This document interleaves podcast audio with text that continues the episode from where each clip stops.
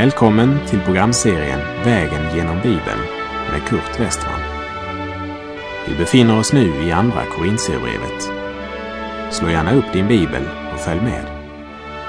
Programmet är producerat av Norea Radio Sverige. Vi avslutade förra programmet med att Paulus undervisade församlingen i Korint om sina lidanden och sin skröplighet så att de kunde lära sig att skilja på falska och äkta apostlar. Paulus berömmer sig av sin svaghet för att Kristi kraft ska kunna vila över honom. Han såg sig tvungen att avslöja den andlighet som endast bestod i extatiska upplevelser och suggererande krafter. Därför uppmanar han de troende i Korint att erkänna sin hjälplöshet och tigga om Andens hjälp. Det är vägen för Jesu lärjungar.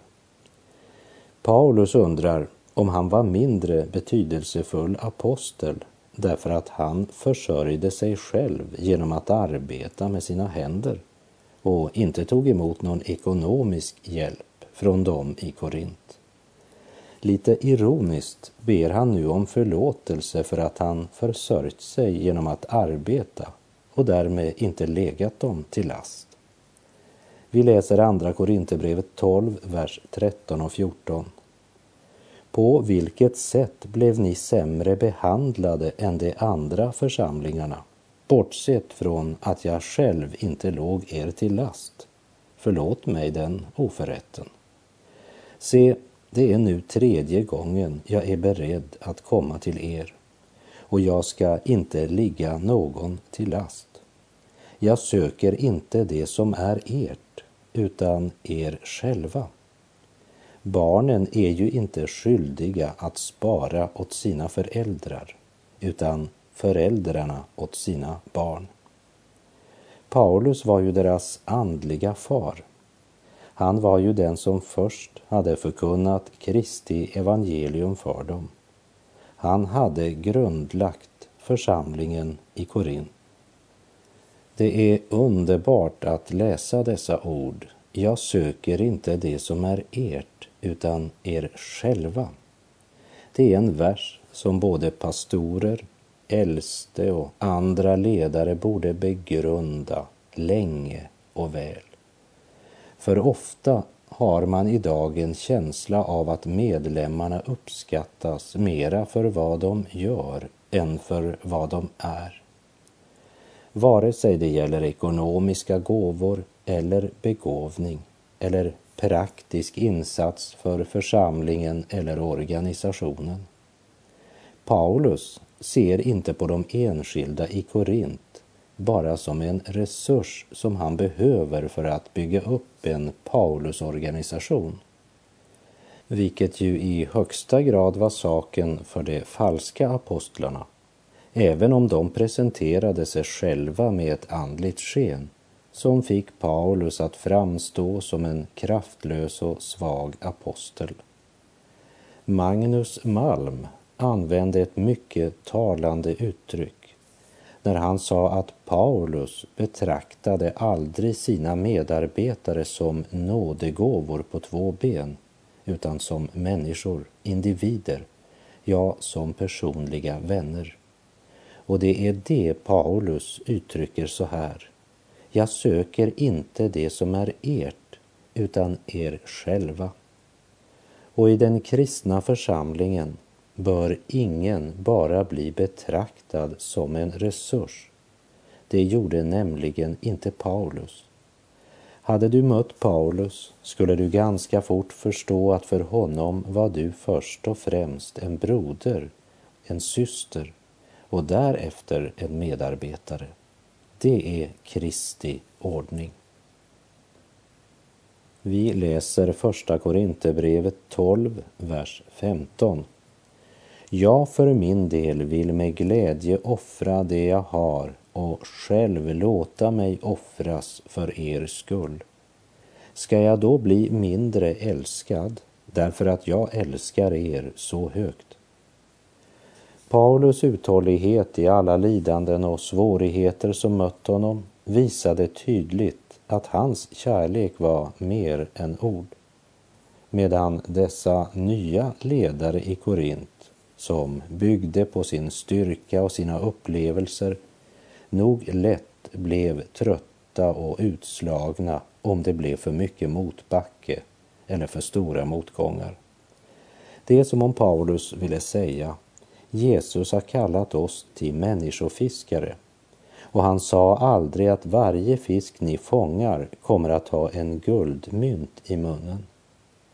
Paulus är inte ute efter det de har, men efter dem själva. För honom är de framför allt personer. Och nu ska vi åter märka ett stänk av ironi när Paulus försöker få dem att tänka över vem det är som försöker fånga dem med list eller bedra dem för egen vinning. Vi läser verserna 16 till och med 18. Låt vara att jag inte har betungat er, men slug som jag är har jag fångat er med list. Har jag då bedragit er med hjälp av någon av dem jag sände till er? Jag bad Titus resa och sände en broder med honom. Har Titus bedragit er? Har vi inte handlat i samma anda? Har vi inte gått i samma fotspår? Paulus försökte inte fånga någon med hjälp av mänsklig list. Han förkunnade Guds ord enkelt och klart. Han var ett vittne och de medarbetare han sände Ja, de gick i samma spår och handlade i samma anda.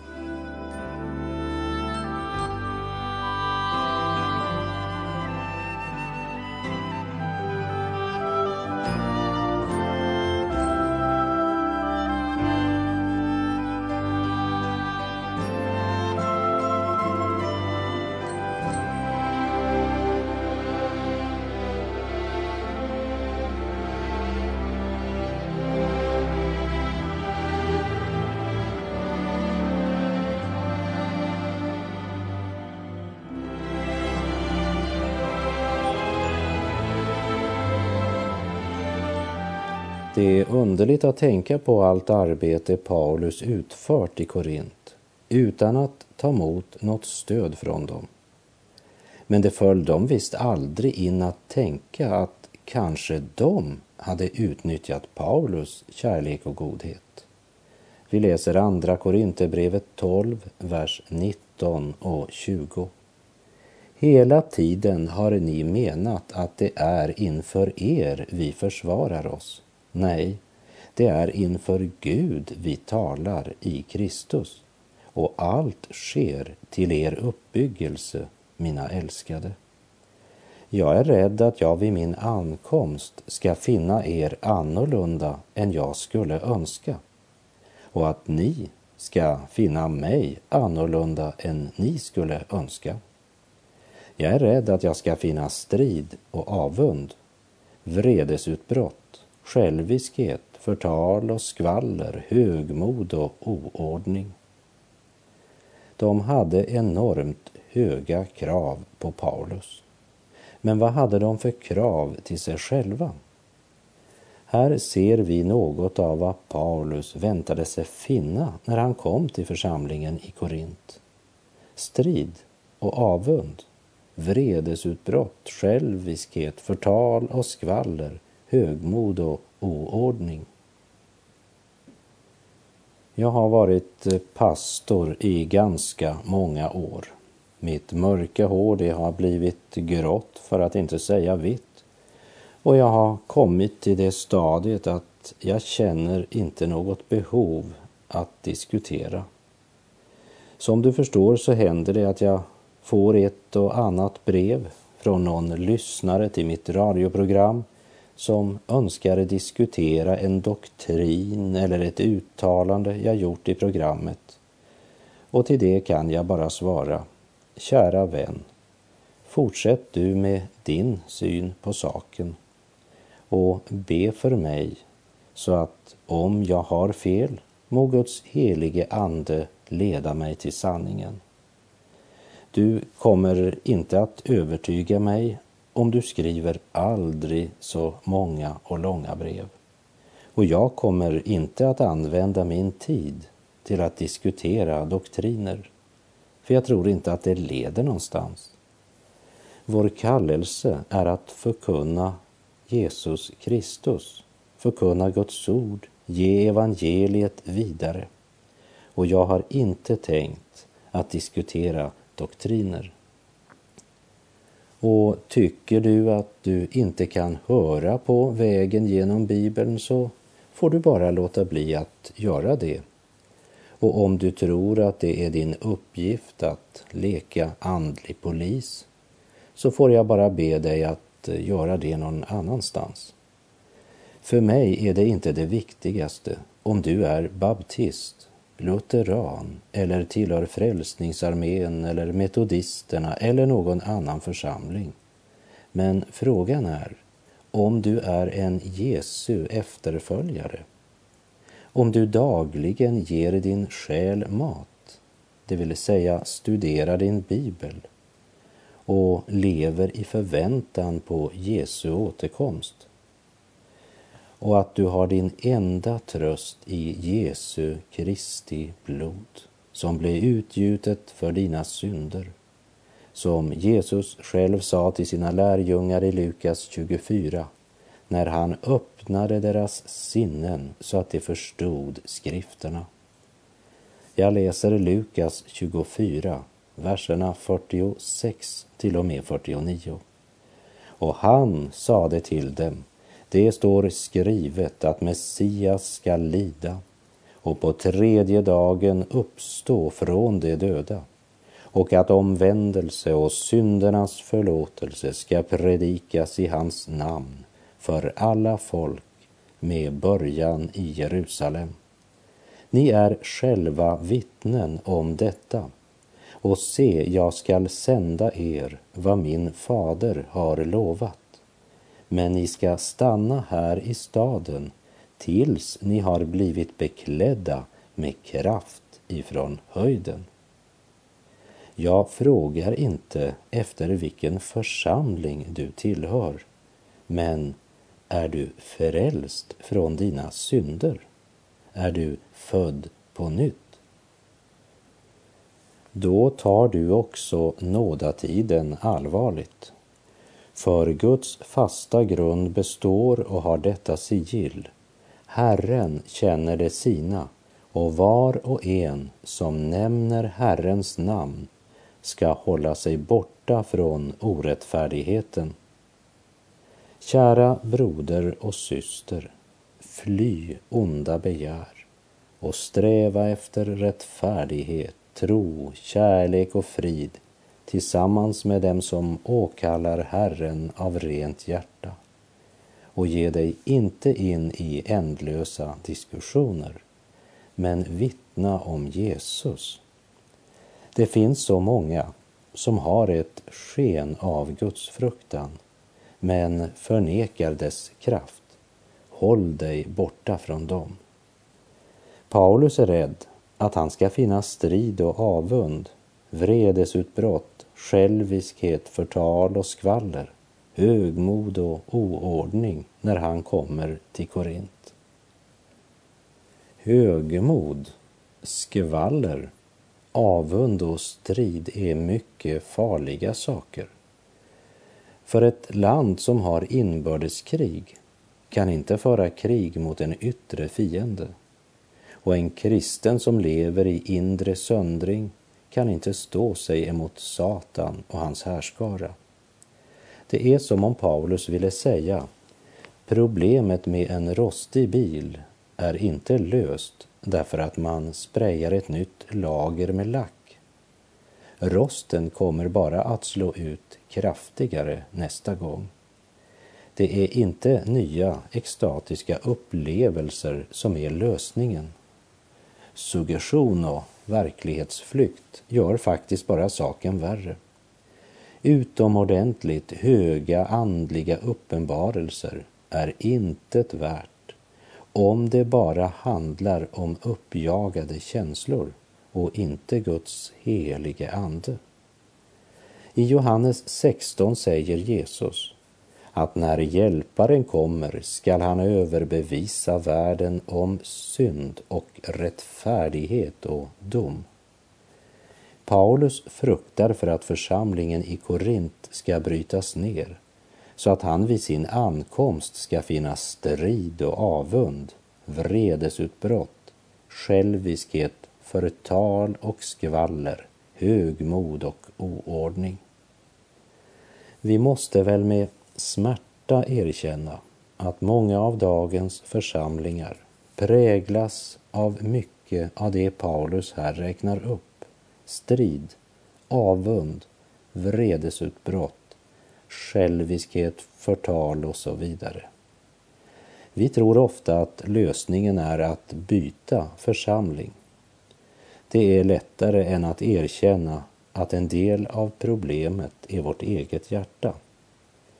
I profeten Hesekiel 36, vers 26 säger Gud Och jag ska ge er ett nytt hjärta och låta en ny ande komma i ert bröst. Jag ska ta bort stenhjärtat ur er kropp och ge er ett hjärta av kött.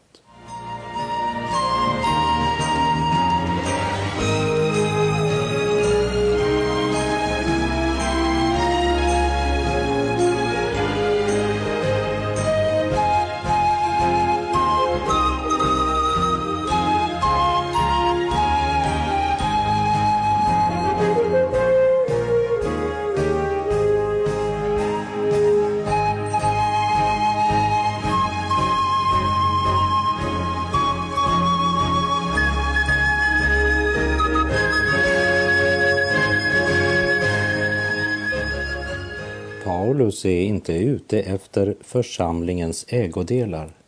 Han har en omsorg för var och en i Korint, person för person. Men han fruktade att han skulle finna strid och avund istället för tro, värme, tålamod och kärleksfull omsorg. Vi läser Andra Korinthierbrevet 12, vers 21. Ja, jag är rädd att min Gud skall förödmjuka mig inför er när jag kommer tillbaka och att jag måste sörja över många som tidigare levde i synd och inte har ångrat den orenhet, otukt och lösaktighet som de har bedrivit. Korint var en gräslig och avskyvärd stad den var känd över hela det romerska imperiet som ett syndens centrum. Det var platsen folk reste till för att synda.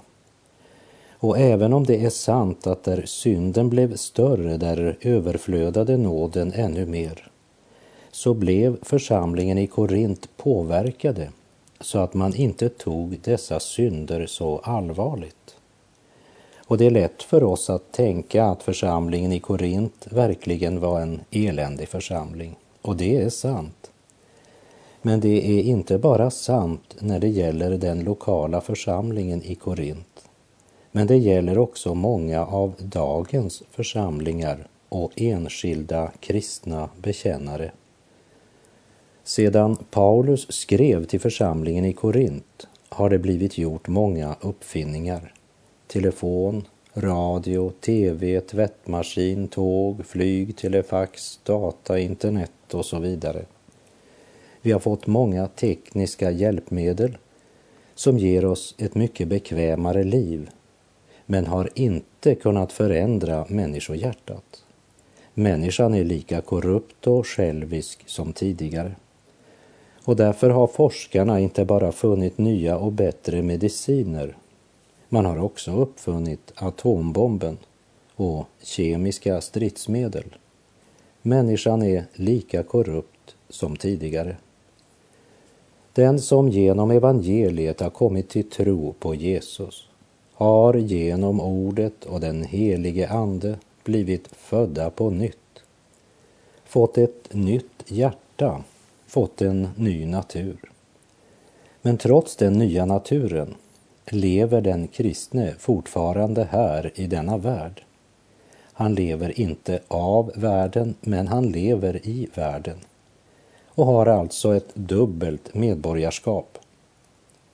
Eftersom vi inte bara består av ande utan vi är samtidigt naturliga jordbundna människor. Jag är ju svensk medborgare, samtidigt är jag medborgare i himlen. Och det är mycket viktigt att jag söker det som är där ovan, tänker på det som är där ovan, där Kristus sitter. Det vill säga, det är en ständigt pågående process. Vi läser i Kolosserbrevet 3, vers 1 och 2. Då ni alltså har uppstått med Kristus, sök då det som är där ovan, där Kristus sitter, sitter på Guds högra sida. Tänk på det som är där ovan, inte på det som är på jorden. Det som är där uppe, det är något vi måste söka, säger Paulus. Vi måste vända oss bort från synden, bort från denna världens tankegång och liv. För världen kan aldrig styrka vårt andliga liv. Och att söka det som är där ovan är inte verklighetsflykt. Tvärtom. Det är att öppna sitt hjärta för verkligheten. För Gud är ju inte bara något vi talar om på våra möten men han är en levande verklighet och han kan förvandla människors liv idag. Paulus vet vilka förhållanden de troende i Korint lever under. Han vet vad som omger dem av synd, omoral och orenhet. Och därför måste de alltid vara vakna så att de inte vandrar tanklöst och låter sig smittas av allt som omger dem. Vi kan säga det handlar om att inte leka med elden. I Ordspråksboken 6, verserna 27 och 28 står det Kan väl någon hämta eld i sitt mantelväck utan att hans kläder blir förbrända? Eller kan någon gå på glödande kol utan att hans fötter blir svedda? Därför säger Paulus att han är rädd att han vid sin ankomst ska bland annat finna strid och avund, skvaller, högmod och oordning. Och han är rädd att många som tidigare levde i synd inte har ångrat den orenhet, otukt och lösaktighet som de har bedrivit. Det vill säga att de varken tar den helige Gud eller synden allvarligt. Det kan verka som om några av dem som innan de blev frälsta hade levt i synd och utsvävningar nu delvis har dragit sin gamla livsstil och gamla hållning in i församlingen. Man har polerat sin världsliga tankegång med religiös färg men är mera upptagen av extatiska upplevelser än av personlig helgelse och sann gudsfruktan. Man försöker slippa syndens konsekvens utan att ge upp syndens väsen. Men Kristi församling skulle vara en grupp människor som lever och vandrar i helgelse, försaka djävulen och alla hans gärningar, leva i tron, i helgelse och i ett levande hopp. Hoppet är det öga som ser längre än till graven. Om hoppet vissnar blir vårt hjärta jordbundet, men är hoppet levande lyfts vår blick över jordens stoft och grus till den eviga härlighet som Gud har berett alla sina barn. Lik församlingen i Korint så omger synden oss på alla sidor. Men låt oss aldrig glömma att mitt i all skröplighet och brist är församlingen älskad av Gud. Så låt oss försaka djävulen och alla hans gärningar och i ord och handlingar bekänna vår heliga tro. kunde Daniel leva som kristen i Babylons fångenskap så kan du leva helt för Kristus där du är.